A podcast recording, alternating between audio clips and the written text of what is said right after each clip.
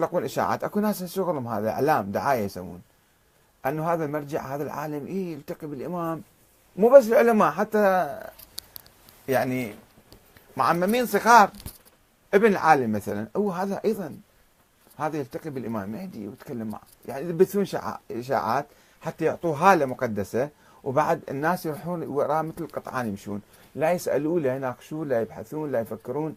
يسلمون عقولهم وقيادهم بالمرة له وهذا يمشي يقول لك أنا صرت وكيل الإمام المهدي أو نائب الإمام المهدي. بعضهم يدعون بصراحة أنهم سفراء. أكو ناس مشايخ كذا يقول لك أنا سفير الإمام المهدي أو سفير ابن روح سفير السفير. وأكو لا ما يدعون بس اللي حواليهم يسوون لهم دعاية. يسوون لهم دعاية بحيث أنه هذا المعمم سواء كان عنده علم ولا ما عنده علم يصير هذا مقدس. ويصير هذا عنده حاله مقدسه هذا يلتقي بالإمام فشو تصير الحالة في المجتمع؟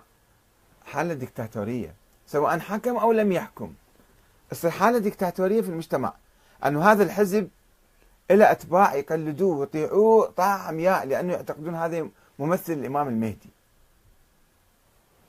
منين جاي الفكرة؟ من وجود الإمام المهدي، الاعتقاد بوجود هذا الإنسان اللي ماكو أي دليل على وجوده.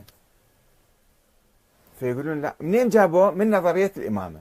فأول شيء سووا نظرية الإمامة وبعدين قالوا ما يصير تنقطع وتروح لازم تستمر اليوم القيامة هاي النظرية، اذا فلازم في كل زمان أكو واحد إمام معصوم من الله وهو الإمام المهدي الحي كما مكتب السيستاني البارحة نشروا البيان مالهم أنه من القرآن القرآن يؤكد على وجود الإمام المهدي وولادته استنبطوا من عندها.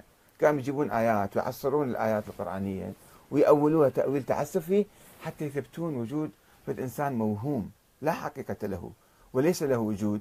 حتى يسوون شنو؟ يسوون حالة ديكتاتورية. حالة ديكتاتورية في المجتمع باسم رجال الدين. والديكتاتورية الدينية أسوأ بكثير من الديكتاتورية العادية. في عندنا ملوك طغاة ديكتاتوريين مستبدين رؤساء.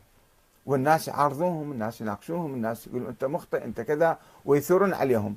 بس لما تصير الدكتاتورية دينية بعد الناس يقومون يرجفون يخافون يحجون يخافون يتكلمون.